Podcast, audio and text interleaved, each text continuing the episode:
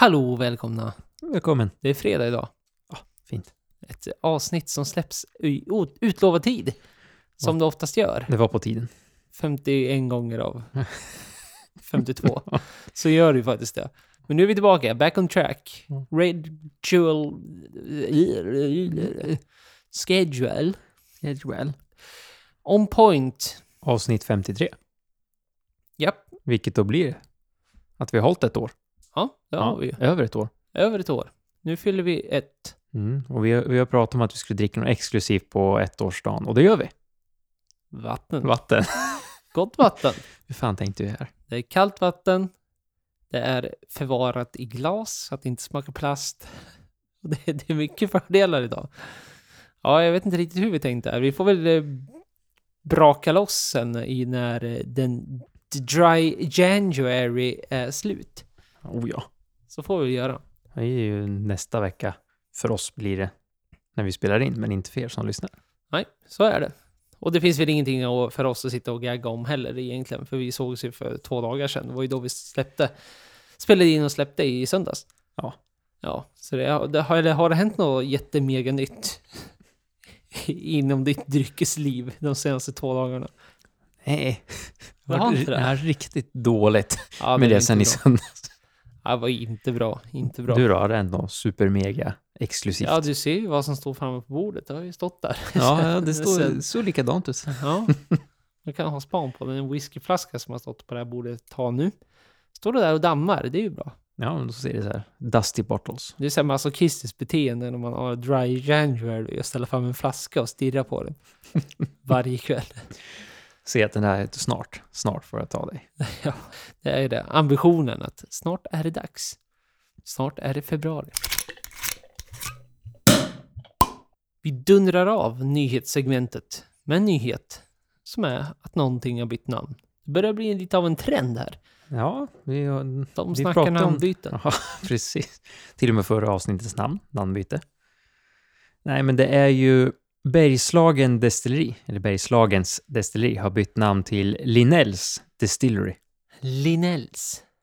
L-I-H-N-E-L-L. S. S.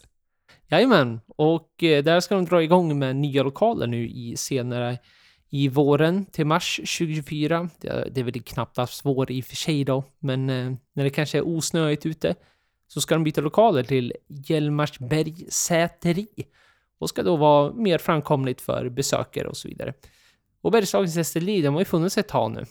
Så att de har ju varit på tapeten. Så att det är ju lite sån här, det är väl, det är klart, jag tror namnbyten rullar på ganska bra oavsett.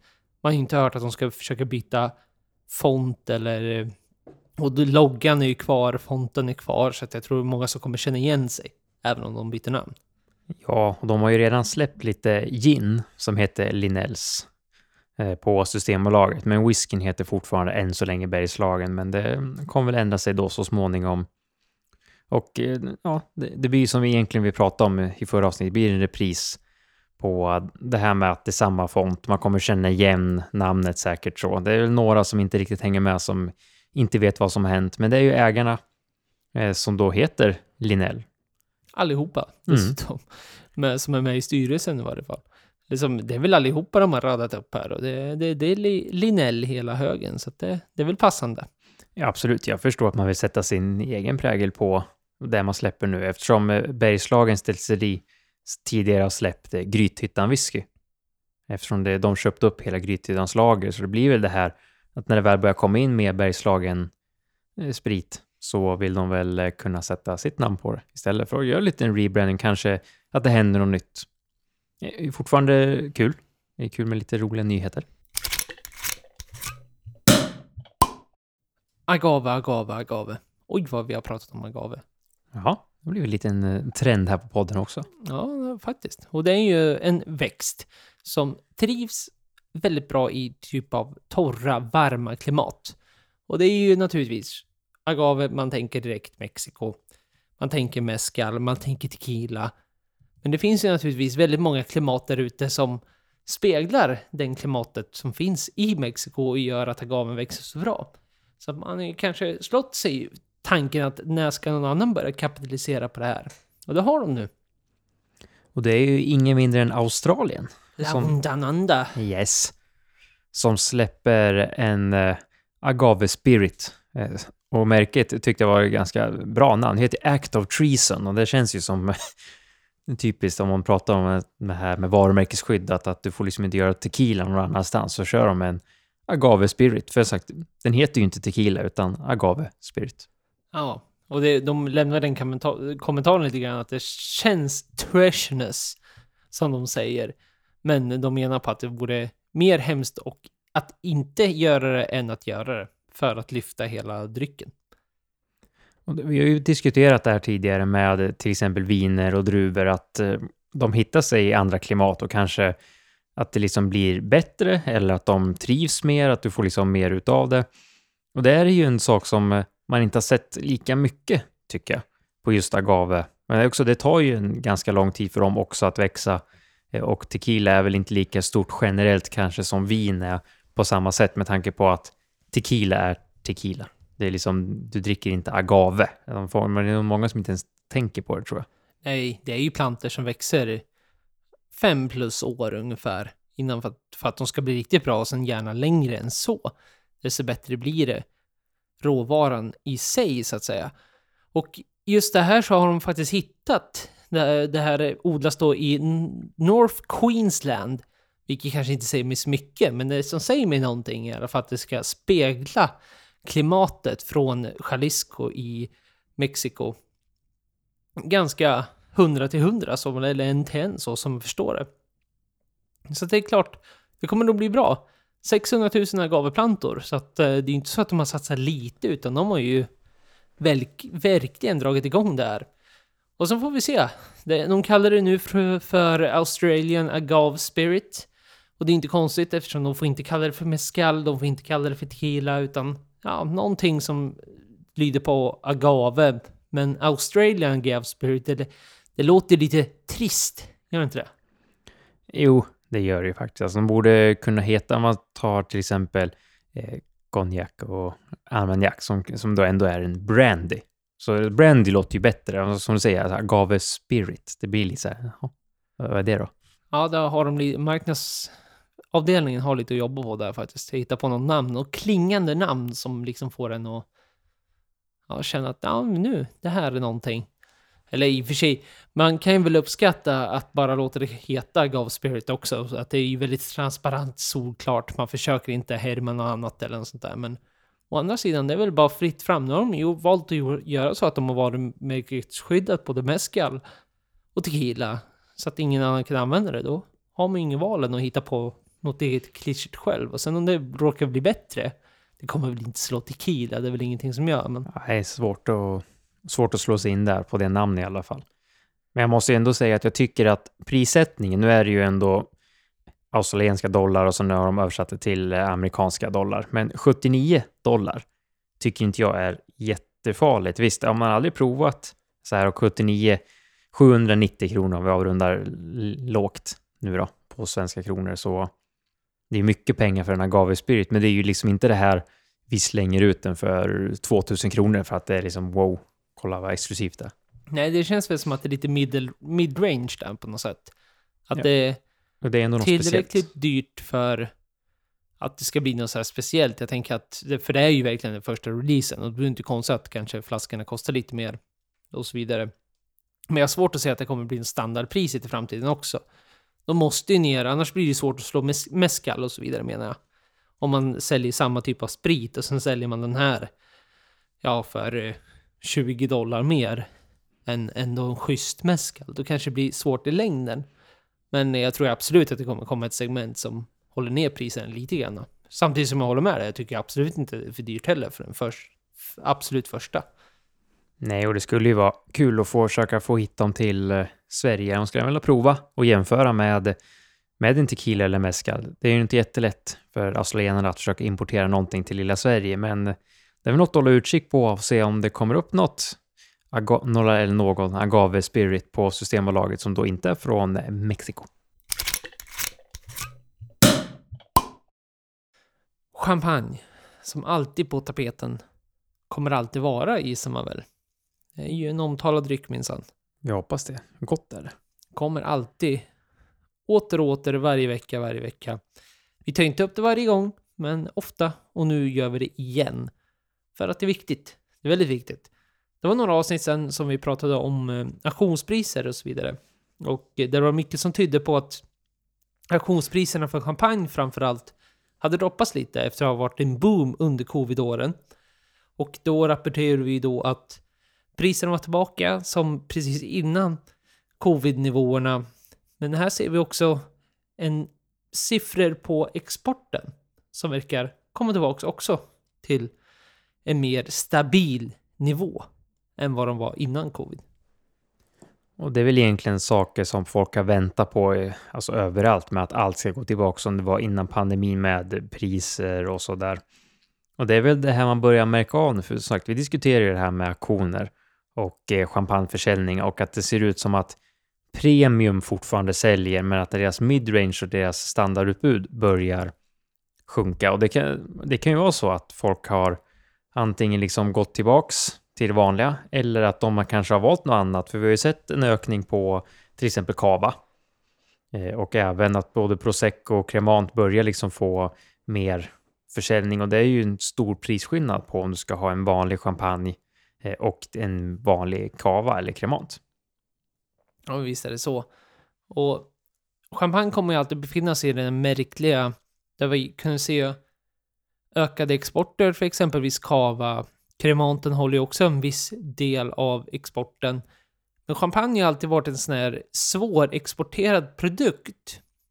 Borde det egentligen inte vara. Men man tror, eller tycks nästan tro att det är så. Just för att exporten av champagne generellt sett har varit ganska dålig. Alltså det har bara varit de här stora giganterna, alltså de största husen, som satsar på export överhuvudtaget. Det ser man ju fortfarande inbäddat i de här siffrorna vi sitter och tittar på. Då man fortfarande dricker väldigt, väldigt mycket mer champagne inom Frankrike än vad man faktiskt exporterar. Men återigen, de siffrorna är lite skruvade eftersom man inte exporterar så jättemycket champagne heller. Förutom de här vissa större husen. Men det är ändå kul. Det är ju bra för drycken. Det är bra för alla producenter. Det finns ju jättemånga producenter i champagne att exporten ändå fortsätter. Att man inte ser någon radikal typ av dyk eller en ökning utan att det ändå är stabila siffror.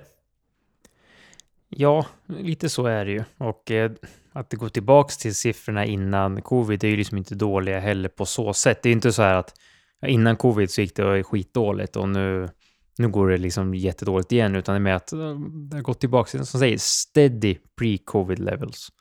Och det är ju så det egentligen har varit, som jag sa, med mycket. Att det har liksom börjat röra sig tillbaka som det var innan pandemin, för att folk liksom börjar gå tillbaks till mer vardag. Men, men eh, det svåra här är väl att man skulle ju vilja att pengarna eh, skulle gå tillbaks också med tanke på alla prishöjningar som har blivit. Men det är svårt att se det med tanke på världssituationen som det är och alla ökade råvarukostnader som jag inte tror kommer gå ner. Nej, men eh, nog vi kanske får se. Det jag utläser som mest positivt av den här nyheten är ju det att exporten fortsätter. Den har ökat med 10% på de senaste, mer än 10% de här senaste 10 åren. Det ser ut som att trenden kommer fortsätta. Det var inte alls lika stort hopp i covidåren som man initiellt trodde. Vilket då så är så positivt som en dryckesentusiast, att det kanske ökar chansen för att de här mindre husen börjar exportera eller börjar titta in i liksom export.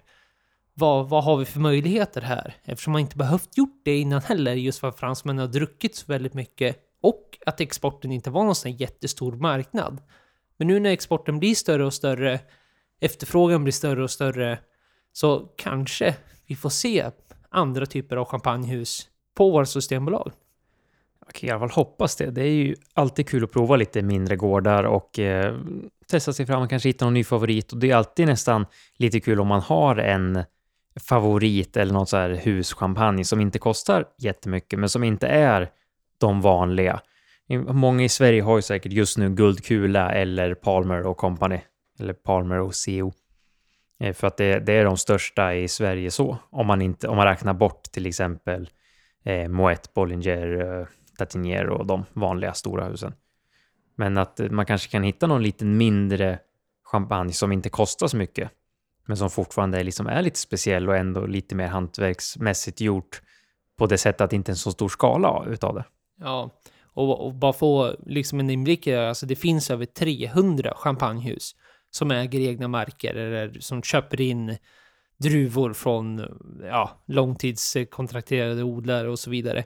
Så att det finns ju, jag menar när man hör den siffran 300 stycken champagnehus bara i den här svången som jag pratar om nu, med egen mark då.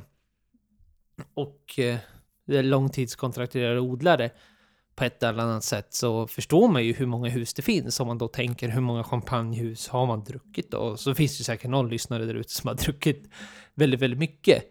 Men jag menar, jag skulle långt top of mind och på en lista redan över 30 så skulle jag nog börja känna mig ganska borta.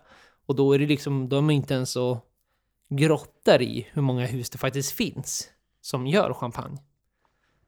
Nej, det kan jag helt hålla med om. En annan som är lite mer intresserad av champagne och har varit på champagnemässor och, och druckit mycket och provat liksom lite olika köpt och så. Det är alltid kul om man kan jämföra i alla fall två, tre stycken bredvid varandra och att man känner den här, oj, det är faktiskt en skillnad på det här och det här. Nu kommer jag inte ihåg vilken det är, om det är André Girard eller vad han heter. Han var ju, den var ju med på båten på champagnemässan och de stod ju verkligen, det såg ut som det här saftståndet. Det var ju liksom, det var ett uppfällt bord och så stod han där med två champagner. Och så, ja, han stod där och så var en ishink och så fick man prova. Prova den vanliga ja, den var god, inget speciellt. Sen fick man prova den här Grand Cru eh, den här, deras lite finare. Och den var ju otroligt god. Och den, säger, den tror jag inte finns på Systembolaget eller någonting. Och, och, men det är så här, det här har man provat den kostade, tror jag, 15 eller 1700. Så visst, det är inte jättedyrt.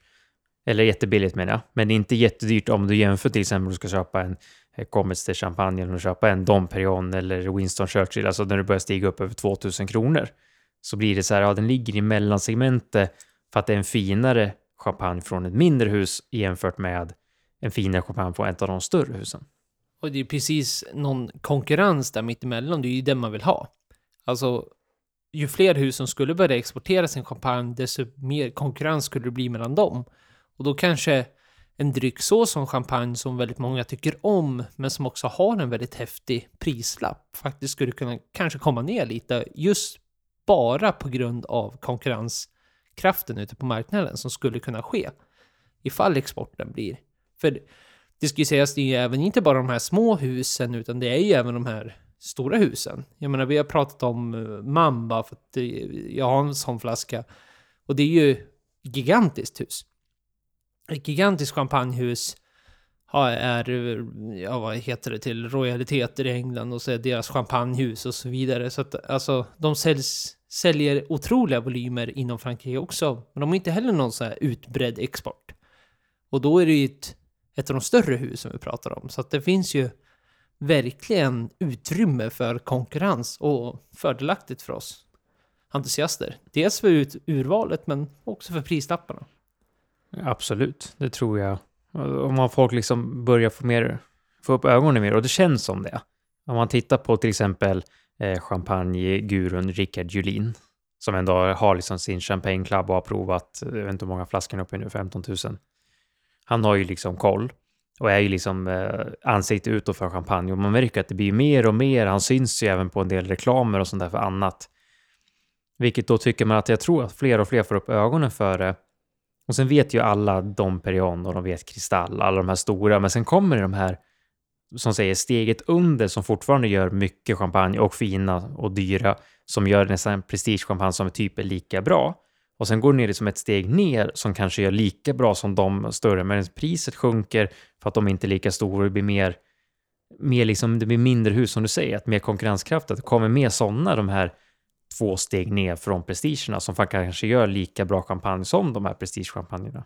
Ja, för man måste ju ha väldigt man får inte underskatta hur viktigt det är oavsett dryck nu alltså att ha de här riktigt starka instegsvarianterna. Så är det ju, för gemene man kommer inte köpa en eh, whisky direkt för 800 spänn och man kommer inte köpa en champagne direkt för 500 spänn. Vad som kanske anses vara en ja, men standardpris för en vanlig QV i de större husen. Så det är ju viktigt att ha även de här starka instegsvarianterna så att folk kan öppna upp intresset och få den här av att oj, det här var gott. Och det behövs inom alla drycker oavsett om vi pratar öl, vin eller whisky, konjak. Alltså alla drycker behöver verkligen starka spelare. Och champagne, absolut, det tror jag verkligen skulle verkligen gynna dem. För att där finns det ju ett segment, ja men där marknaden är inte riktigt mättad än. Om man får säga det själv. Alltså det blir de här billigare champagnerna och sen visst, guldkulan går att argumentera för att de faktiskt täppte till det hålet som fanns där ute. Och vi, vi liksom visar på det här brödiga men ändå mer fruktiga, eleganta. Än att man antingen får köpa liksom en, vad som känns som en brödlimpa eller så får du slänga på 200 spänn för att komma upp till nästa nivå. Och 200 spänn, visst det är rätt som entusiast så tycker jag att ja, men det är ju värt att lägga på en god dryck och så vidare. Men det, det är ju gemene man man vill åt, först och främst. Det svåra med champagne, precis som vin och sånt, är att när du öppnar den, då ska du dricka upp den. Lägga, som vi kan säga, lägg 200 kronor till på en flaska whisky som du ändå kan ha i år, flera år, om du liksom dricker den sakta. Det är enklare att få den argumentationen och lägga 800 kronor på en flaska whisky eller en konjak eller något sånt än att lägga det på 800 kronor på en flaska champagne. Så att det är ju det är en svårare argumentation så, absolut. Ja, och, och champagne har ju det riktigt det har. Alltså många skräms nog för att öppna en champagne bara för att det är en champagne. För att direkt när det är champagne då tänker de att det här måste jag ju fira till, eller spara till någon finare tillfälle, eller fira någonting, eller ska finnas en anledning till att öppna den. Det vore ju kul ifall det kommer in så pass mycket konkurrens och så pass mycket i marknaden så att det faktiskt folk börjar inse det att ja men visst, jag skulle kunna köpa en champagne precis som jag köper en kava och öppnar upp den en eh, sommarkväll eller ja, men vad det nu kan vara så att det inte behöver bli det här. Det speciella måste försvinna lite innan folk verkligen vågar gå in och prova, tror jag. I alla fall en del utav det om vi säger så. En del av faktorerna. Ja, det håller jag helt med om. En enkel rak sak på det här är drick mer champagne. Vi har ju pratat om och om igen om investeringar och whisky och investeringar om whisky. Och försäljning av whisky på auktioner. Auktionspriser på whisky. Ja, och nu kommer det igen. Men innan ni stänger av, det är en liten twist där. Det är, det är en lite rolig grej och liten... Det sätter väl lite färg på den här diskussionen som ofta går runt. Alltså, ska du öppna nya flaskor? Ska du spara dem? Vad ska du göra? Är det rätt att köpa bara för rena investeringar? Är det rätt för de som faktiskt vill dricka drycken? Och bla, bla, bla, bla, bla. Det, det pågår ju i evigheter. Macallan. De har vi pratat om några gånger. Och nu den här storyn som är inte jätteny, utan eh, den har ju faktiskt funnits här i typ fyra år eftersom den är gammal, så många har säkert hört det här tidigare. Men det är ju en, en son till en whiskyentusiast måste man ju säga, som har fått en 18-årig Macallan varje dag på sin födelsedag i 28 år. Och eh, han eh, löpte på auktion och jag tror att han fick eh, 40 000 pund för 28 stycken Macallan. Allt det här började med egentligen bara som en rolig present så som man tolkar det som. Att det skulle vara en rolig idé och grundtanken var då att ge en Macallan 18 från att vara 1 till 18 och så verkar det ha fortsatt då. Men det var ju hela grejen då att han skulle få, från att han fyllde 1 till 18 så skulle han få en 18-årig Macallan. Det var själva grejen med dem. Och han fick ju då strikta restriktioner, för han fick absolut inte öppna dem. För att han, ja ni förstår ju att han var ju underage av Guds nåde. Men han har då fyllt på det här, liksom år för år för år så har de också köpt det året. Eh, när det väl kommit ut. Och det verkar ha börjat 74 va? Av det man kan tolka det som. Ja, precis. Han är ju född 92. Eh, så han fick eh, första 18-åringen då och den är Macallan 1974 och sen har det ökat uppåt. Och sen då så se att eh, pappan här har ju spenderat 5000 pund på de här 28 flaskorna. Medan de har sålt för runt 40. Så att det är ju en, det är en bra investering om man säger så det är väl det jag menar med att det sätter lite ny färg på det här. För att det här är ju liksom en sån här, ja men en rolig present. Han fick absolut inte öppna dem. Och sen är det ju naturligtvis väldigt tur. I och för sig har han då en farsa som är lite av en entusiast så kanske han förstod och hängde med. just då köpte Macallan. Men annars hade han ju väldigt, väldigt tur att det var just Macallan. För det hade ju kunnat varit en annan whisky och visst hade det kunnat varit pengar. Men det är ju hela den här samlingen i sig, det var ju den som var väldigt unik och det var därför den sålde för så mycket pengar. Så med de här 40 000 punden kommer jag ju lägga in som, som en kontantinsats till ett hus. Och det är ju svårt när man hör sådana här, alltid när man pratar om det här, ja men är det rätt att investera bara för att eh, hålla kvar vid pengarna eller låter det vara, är det fegt mot entusiaster eller liksom rätt mot entusiaster eller de som vill dricka drycken och även producenterna av drycken som gör en dryck som är menad för att, för att drickas och så vidare. Men i det här fallet, dels för att han liksom inte var 18 än, han var tvungen att vänta tills han blev 18. Men det är svårt att säga. Jag tror nog att det var väldigt många som skulle gjort samma sak faktiskt. Tror inte det? Om man skulle ha väntat så här mycket och sen ser man hela samlingen i sin helhet och sen bara oj, jag kan få 40 000 pund för hela den här samlingen. Det hade ju varit svårt att korkat upp en. Ja, verkligen. Då, då har man velat sagt till eh, farsgubben, varför köpte du inte två för? Dricka en och sälj. Nej, men det, absolut, det är ju... Det är liksom, det stiger så mycket pris. Det blir ju som vi har pratat med auktionspriser, om du har köpt en flaska för, säger vi 2000 kronor och sen helt plötsligt ser vi att ah, den här är värt 200 000. Det är inte värt det. 200 000 är ett extremt fall då, men eh, det är ju...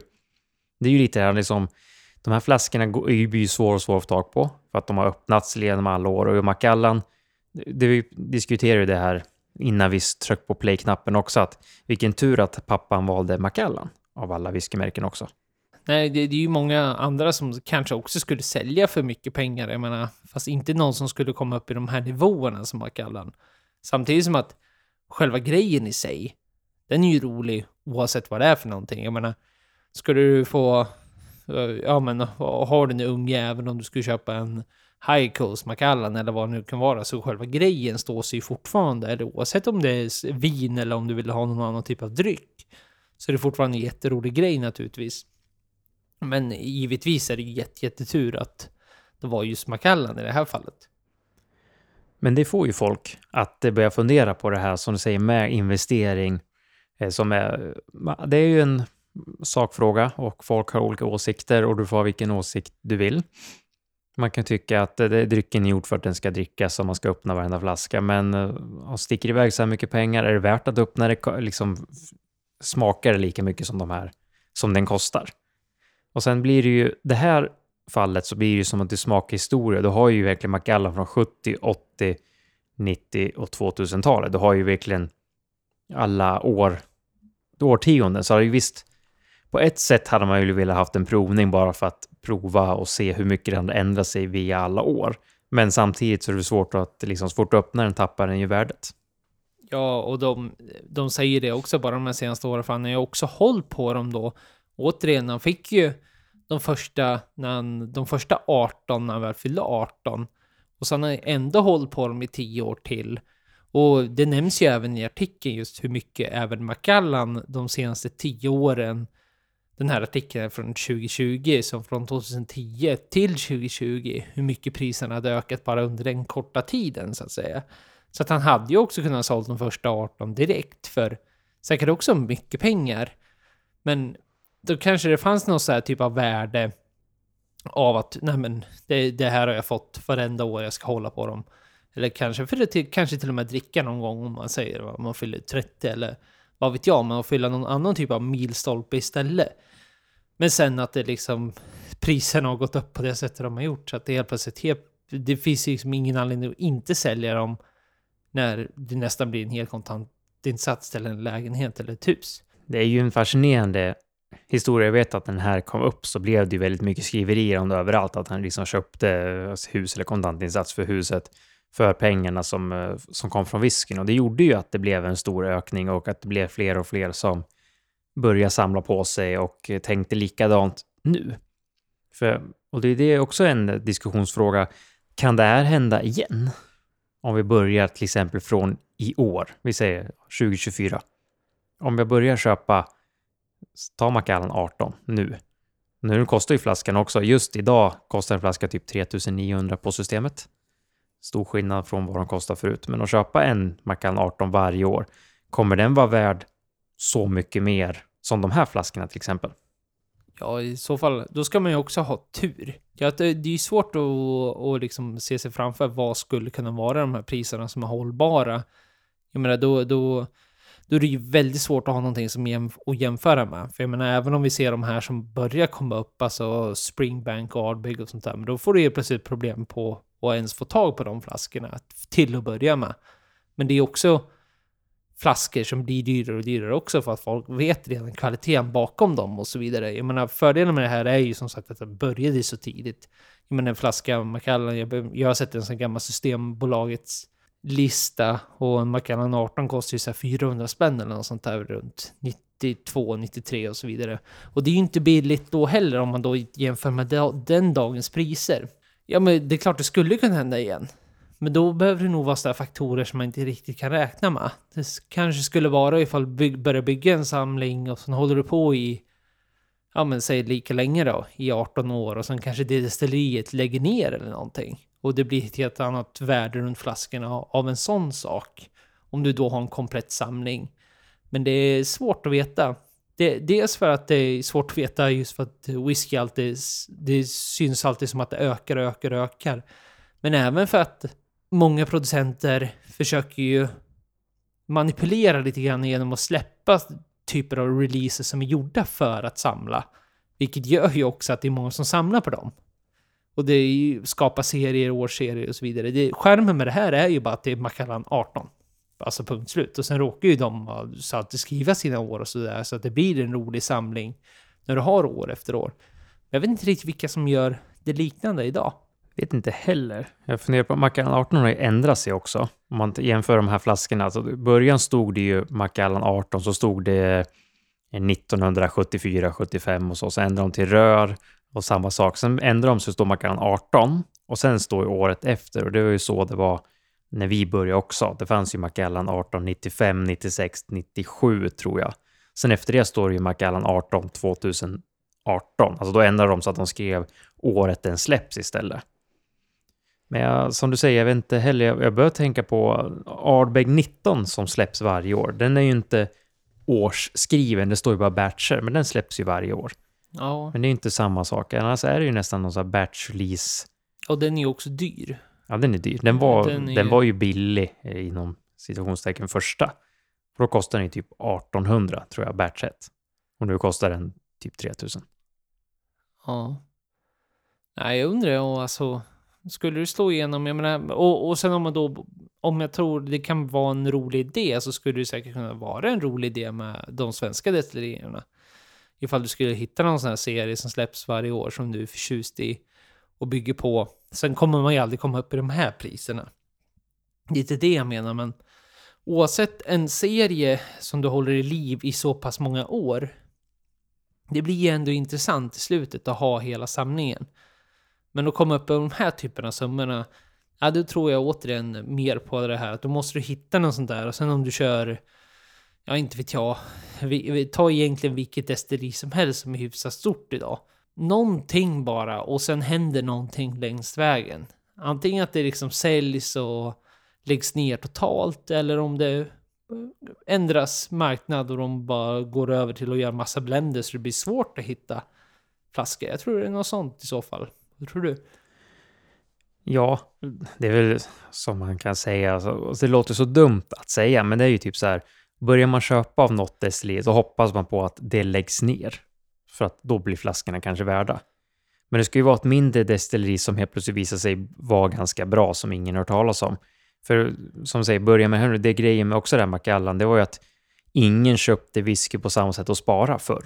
Så det finns inte så mycket av de här 70 80-talsflaskorna Macallan som det skulle göra nu. Skulle man vänta 18 år och börja sälja Macallan 18 som släppte 2024 så finns det nog ganska många som sitter på sådana flaskor redan.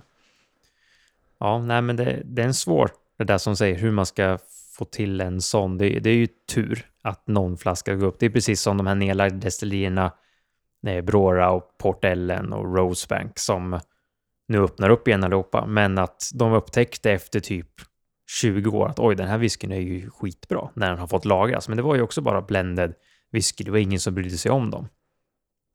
Och det är ju frågan om det är sånt som kommer komma upp Sen, ja men det är, ja, det är ju jättesvårt. Jag har ju två flaskor eh, Pitwick, eh, som också är nedlagt destilleri, eh, som då släpps av Diageo Special Releases, så de kostar ju en slant. Men det är så här, ja, kommer de någonsin öka? För det är också ett nedlagt det kommer inte komma något mer. Men eh, kommer det någonsin få samma hype som de andra? Det tror jag inte.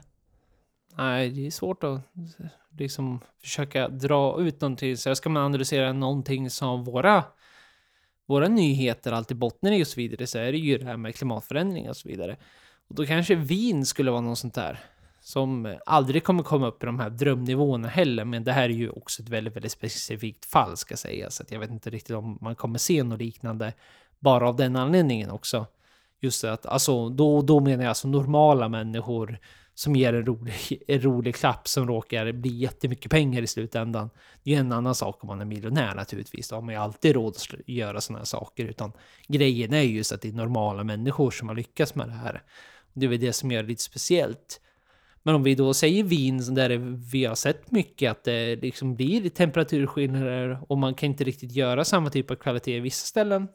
Går det fortfarande alldeles utmärkt men räknar man med att det här kommer fortsätta i ja, i, en, i alla fall 50-100 år framöver. Jag menar, då kanske det är radikala förändringar så att vissa italienska viner exempelvis som blev hård, ut, hårt utsatta förra året som vi har rapporterat flera gånger. Skulle det fortsätta, jag menar visst, då kanske helt plötsligt om du skulle bygga upp en en samling av dyrare italienska viner, eller ja, dyrare behöver de behöver inte vara jätte, jättedyra heller.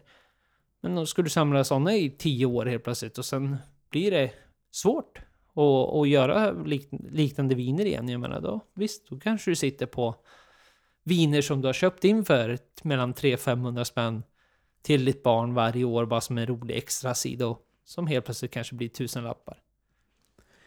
Ja, det svåra med viner är ju det att det kan gå så mycket fel fort jämfört med whisky som också kan gå fel. Men att har du whisky bara ligger undanstoppad, inte solen kommer in och inte jättestora temperaturförändringar så håller ju den ganska bra. Medan vin måste du nästan ha lite mer reglerat koll på. Men jag, Nej, det är basten med bara. Ja, bast. Stå, stå De kan ligga kvar med en bast där också. Jag, jag brukar stå om hin stå i fönstret. Ja, ja. ja det är bra.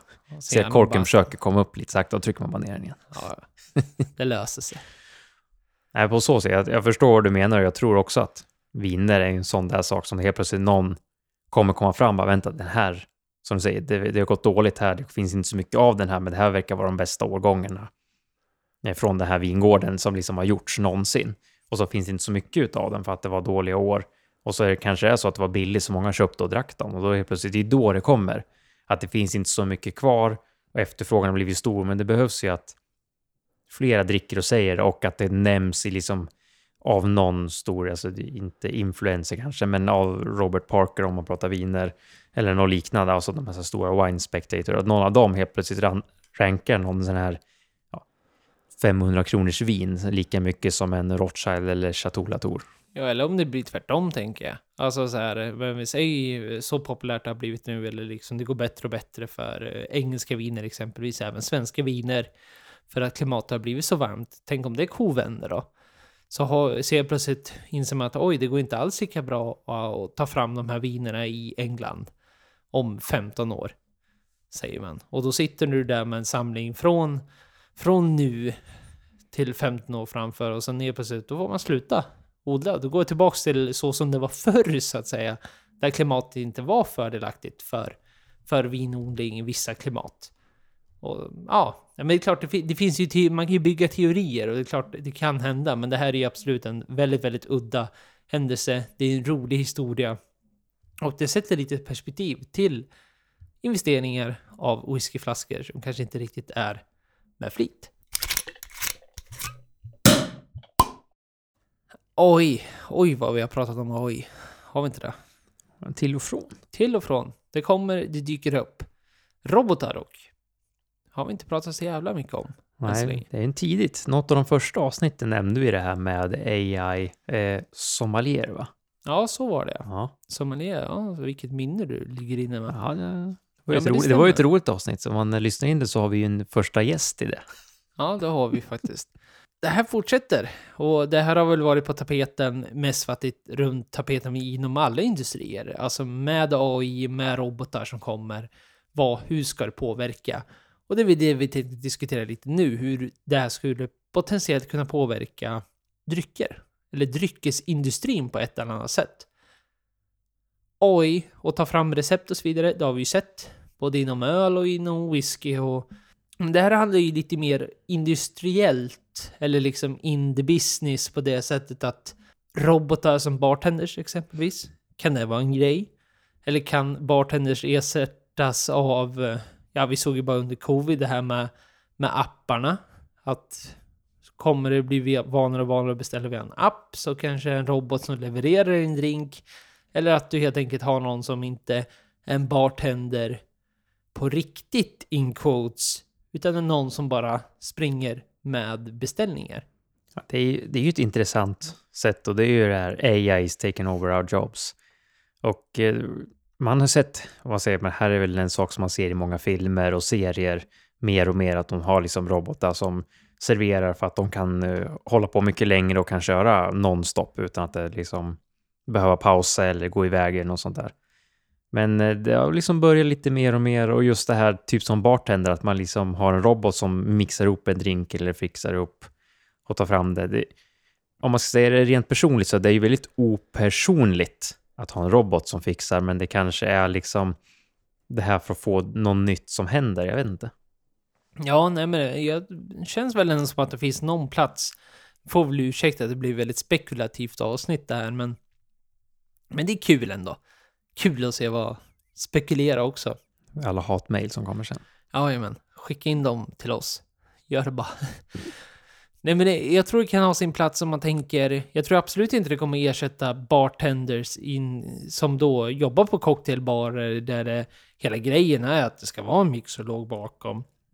Eller i större whiskybarer, ölbarer och sådana ställen. Men jag tänker ändå så här, ja men tänk O'Larrys, tänk Pictures, tänk de här ställena, stora kedjor där kanske inte drycken på så sätt är så mycket i fokus. Kanske det var dåliga exempel, men om ni förstår vad jag menar, att det kan vara den här vanliga kvarterskrogen som inte kan ha så höga kostnader omsättningen är lite så som den är. Och då kunna ersätta en personal, även om det skulle vara tråkigt naturligtvis, för jag menar, vi är ju dryckesentusiaster, man vill ju ha någon att prata om, vad har du hemma, oavsett storlek på stället. Men jag kan ändå se att det skulle kunna hända om vi börjar så grundligt, så att säga. Ja, det tror jag också. Eh, sen är det ju det här priset på en sån här. Just i dag, dagens läge som allting, det är ju svindyrt. Det är ingen eh, liten business som har råd att slänga in någon sån här robot som ska kunna ersätta. Men i framtiden när allting blir lite billigare så tror jag också det på såna här krogar där liksom man skulle kunna upp ett dygnet runt egentligen och ha någon som bara går och sköter vad du behöver inte tänka på det. Men det blir ju som du säger på kanske mer establishments, inte på själva så här mixologbarer där du verkligen går in för att få upplevelsen. Nej, och jag tror, alltså teknologi kan ju också användas till någonting som inte behöver nödvändigtvis vara så här robotar på det här sättet. Men vi pratar ju här om avsnittet bara om den här eh, Guinness-maskinen som finns, som är som en, ja men som en vanlig, du hämtar ut din dryck på McDonalds eller vad det är, så ställer du in koppen och sen betalar du med kortet och sen får du din Guinness. Att eh, något liknande sånt alltså, tänk dig, men tänk dig McDonalds igen som när man drar in där lite lite halvt pigg sådär på natten. Och man står, ställer sig vid den här maskinen så knappar man in det man vill ha. Något sånt. Och sen får du ut någon biljett och så går du till en eh, tapp. Och sen blippar du den där biljetten och sen får du ja men ta tappen där den finns. Och så står det att ja men den här finns i tapp 3 säger vi. Och det behöver inte betyda att det nödvändigtvis ersätter någon på så sätt för att det fortfarande behövs någon som fylls på, som håller hygien och liksom tittar. Men samtidigt så kanske du skulle förkorta köer och... Men det kanske har någon plats någonstans.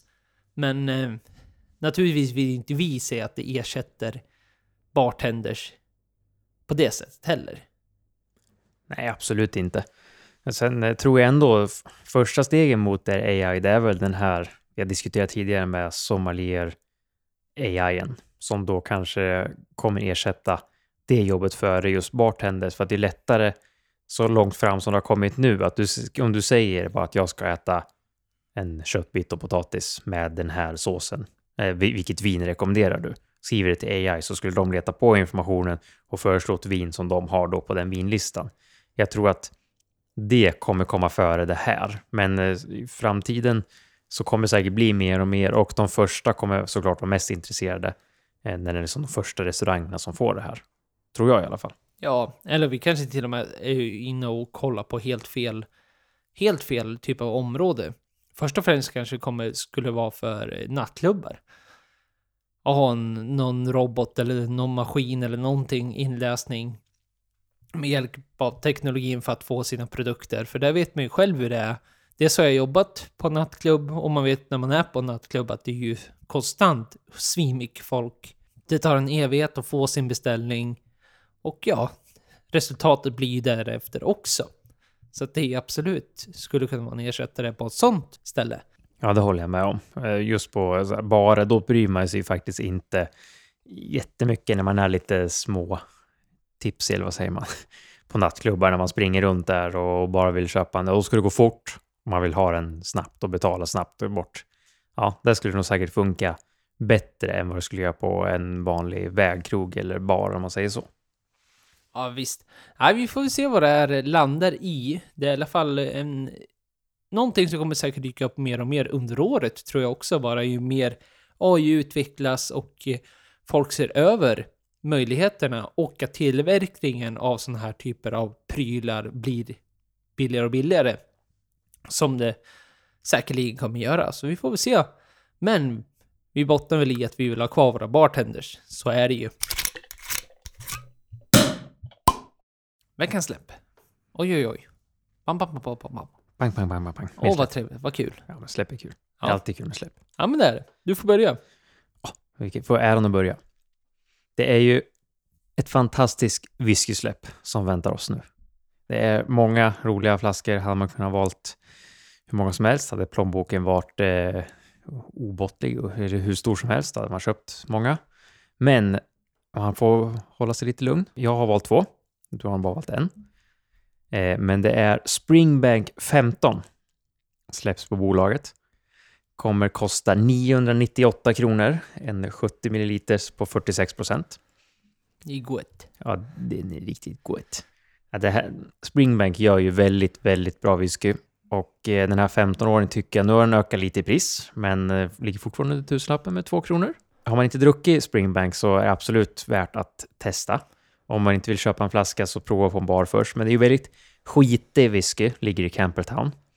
Och eh, Springbank är väl egentligen så här nördarnas paradise. Om vi pratar om Macallan som är lite mer för de här eh, finsmakarna som vill ha det fint. Det är dyrt, som Springbank lite mer skitigt. Kan man säga så?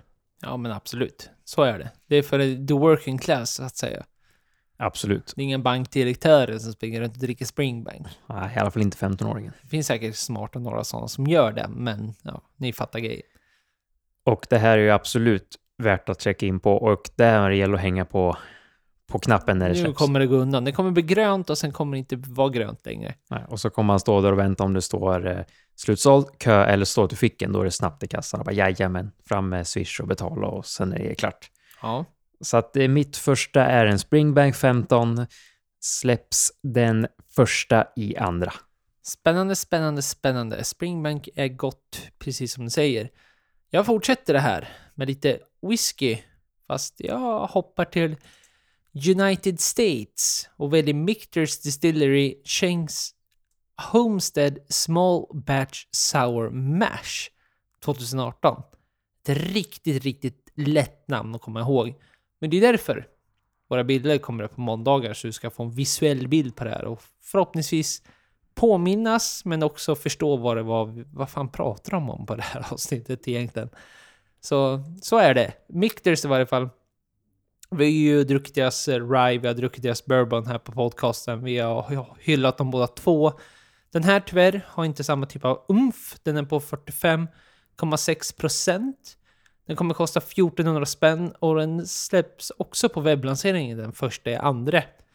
Och det speciella med den här är ju, de släpper ju några stycken ska sägas. Jag valde 2018 bara för att det, var- ja, det, var, det var den billigaste som släpptes. Inget mer än så. Det är i alla fall en eh, sour match. Sour mash. Och en sour mash är egentligen inget så här jätteintressant. Lite intressant är det väl. Det är en eh, typ av destillatmetod som går ut på att man använder material från en äldre en äldre batch, en annan mäsk, för att starta den nya batchen så att säga. Men annars så, det som verkligen drog mig till det här är att det ska vara väldigt rye-influerad sprit. Och jag har ju pratat om just, det är American Whiskey det här, alltså det är ingen rye, utan det är American Whiskey. Men vi har ju pratat just om hur otroligt duktiga Mictors är på Rai och, och att det här då ska påminna och vara mycket Rai-baserat ser jag absolut inte som något negativt. Utan det här kommer nog vara fantastiskt gott. Visst, lite dyrt, 1400 spänn. Det är en 70 45 procent. Och släpps den första i andra. Mm. Gott. Väldigt gott. Mictors gott. Eh, så vi hoppar väl rätt in på mitt andra släpp som också är Mictors. Men, men nu kanske de tänker, ha ska han välja en annan årgång bara för att vara jättetråkig? Men nej, de släpper även en Boomburgers Declaration Bourbon 2022 på 54 procent. Eh, som då kostar lite mer, 1599, men du får extra procenten och om jag minns rätt så har jag för mig att Boomburgers eller är vad de hette innan de blev Mictors Distillery eller någonting. Jag har för mig att det är något sånt där eh, eh hommage till vad destilleriet hette innan det liksom blev Mictors Och eh, vad man liksom kollar upp det så är ju också Mictors gör bra rye, vet vi. De gör bra bourbon också. Och det är ju inte så jätteofta vi får sånt till Sverige överhuvudtaget av de här lite större, finare bourbonsarna eller risen som då man ser kanske om man är inne på YouTube eller kollar i USA hur mycket de får jämfört med det här. Så att det är absolut värt att kolla upp både de förslagen, sour mashen och den här bourbonen släpps, som sagt, första i andra. Så att man, har man har ett urval eftersom det kommer tre olika sour mash och så kommer en bourbon. Men eh, absolut värt att hålla ögonen uppe på. Jag tror nog att alla de här är riktigt fantastiska. Så att- Absolut. Det kommer de ju vara. Ja, Alla det kommer vara riktigt bra. Men gå in och läs lite om varje en, om varje en, om ifall du är lite osäker. För det är lite olika slutlagringar och så vidare. Så det, det kan vara någonting som kanske passar dig bättre än någon annan. Ja, precis. Så att det är absolut värt att kolla in det. Så det är det är inte samma sour mash allihopa, utan det är olika. Och tycker man inte om något det här släpps det en massa Gordon McFails som vi inte nämner, men som även väldigt bra, väldigt trevliga. Men mitt andra och sista blir en Michters Distillery Boomburgers Declaration Bourbon 2022. 1599 kronor släpps den första i andra. Det var det där. Alles, Ja, vad Ja. skönt. Det är fredag. äntligen. Lyssna gott. Lyssna Jag gott. Köp, hoppas du lyssnar på det här när du lyssnar gott. drick bourbon. Drick bourbon. Det kan du göra. Drick Absolut. champagne. Ja. Drick vatten ifall du vill det. Är du, häng- hakar du på oss på Dry January så njut av ditt glas vatten. Isvatten. Är det en Loka kanske? Ja. Det får vi ju se efter nästa vecka. ja. Så vi har en chans på oss. Vi har en chans på oss. Och kommer fram till den bästa Loka-smaken. Så det är, det är ju vetenskapligt och bra. Det är säkert det alla vill höra. Jajamän. Specialavsnitt på två timmar. Ja, och det är därför vi behöver tacka våra lyssnare för att de lyssnar. Så är det ju. Ni blir fler och fler. Svinroligt. Det är nytt år. Skitklyschigt. Men vi hoppas på att vi blir fler och fler i, ja, jag vet inte vad vi kan kalla det, community än. Men det här gänget som ni är med i. vill vi tacka för oss. Och har ni något att säga så kan ni kontakta oss på kontakt eller på sociala medier. Det snackar alkohol. Annars så hörs vi nästa vecka. Bye. Bye.